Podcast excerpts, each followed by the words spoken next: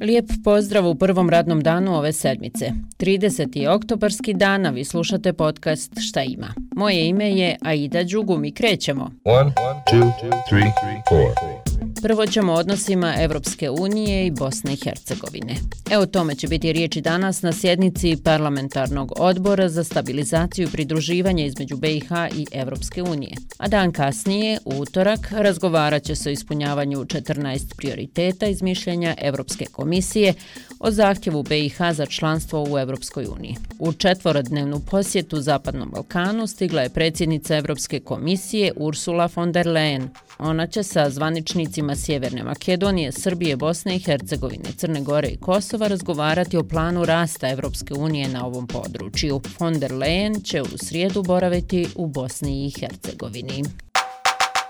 Ovo informaciji da dodam da će se danas članovi kolegija predstavničkog doma i doma naroda parlamentarne skupštine BiH sastati sa ministrom vanjskih poslova Rumunije Luminitom Odobeskom i da će se u susjednoj Crnoj Gori održati sjednica parlamenta na kojoj bi trebalo da bude izabrano rukovodstvo parlamenta i nova vlada na čelu sa Milojkom Spajićem.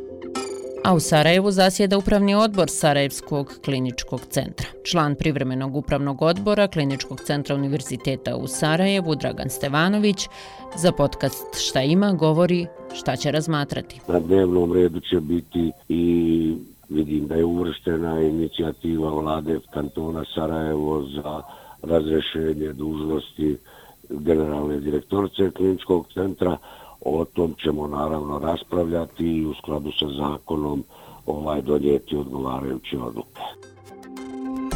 Ukoliko se na to odluče, bit će to smjena prije isteka mandata aktuelne direktorice Sebije Izetbegović, koja je zvanično na toj poziciji do januara sljedeće godine. No Izetbegović je izgubila pravo da vodi klinički centar prema statutu, jer joj je Senat Univerziteta u Sarajevu prvo izbrisao zvanje magistrice, potom zvanje redovne profesorice na Medicinskom fakultetu Univerziteta u Sarajevu, da bi poništio njen doktorat. O tome detaljnje možete čuti u podcastu između redova sve uloge prve dame u Bošnjaka. Ali to nije jedina tačka dnevnog reda Upravnog odbora kliničkog centra, a koje su Stevanović objašnjava. Poništenje konkursa za izbor generalnog direktora kliničkog centra koji je raspisao prethodni upravni odbor na svojoj zadnjoj sjednici. Iz dva razloga smatramo da upravni odbor već nije imao legitimitet kad je zasjedao jer ga je vlada smijenila, a drugi je što ima i nekih eh, nedorečenosti u tom konkursu koje želimo da ispravimo. Ja ću insistirati da svi kandidati, pored opštih uslova koji se traže u konkursu, podnesu i prijedlog programa rada, odnosno vizije razvoja i stabilizacije kliničkog centra i to će biti osnov za odlučivanje. Naravno, moramo poništiti konkursnu komisiju koju je vredio prethodni upravni odbor, raspisati novi konkurs, odrediti novu konkursnu komisiju, razmotriti sve E, odluke koje je na zadnjoj sjednici upravnog odmora u prethodnom sastavu taj odmor donio i eventualno i potvrditi ili poništiti da bi mu im dali legitimite, da ne bi bilo nakladni pravni problema. Noć vještica se primakla.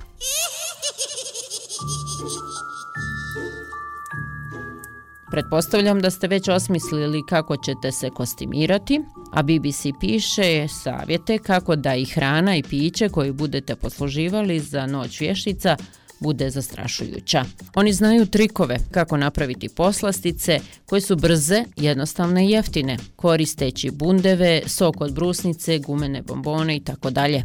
Pa eto, pročitajte ako vas naravno zanima osmijeh na lice, iako je ponedjeljak. Ja se evo smiješim. Pozdravljam vas do sutra.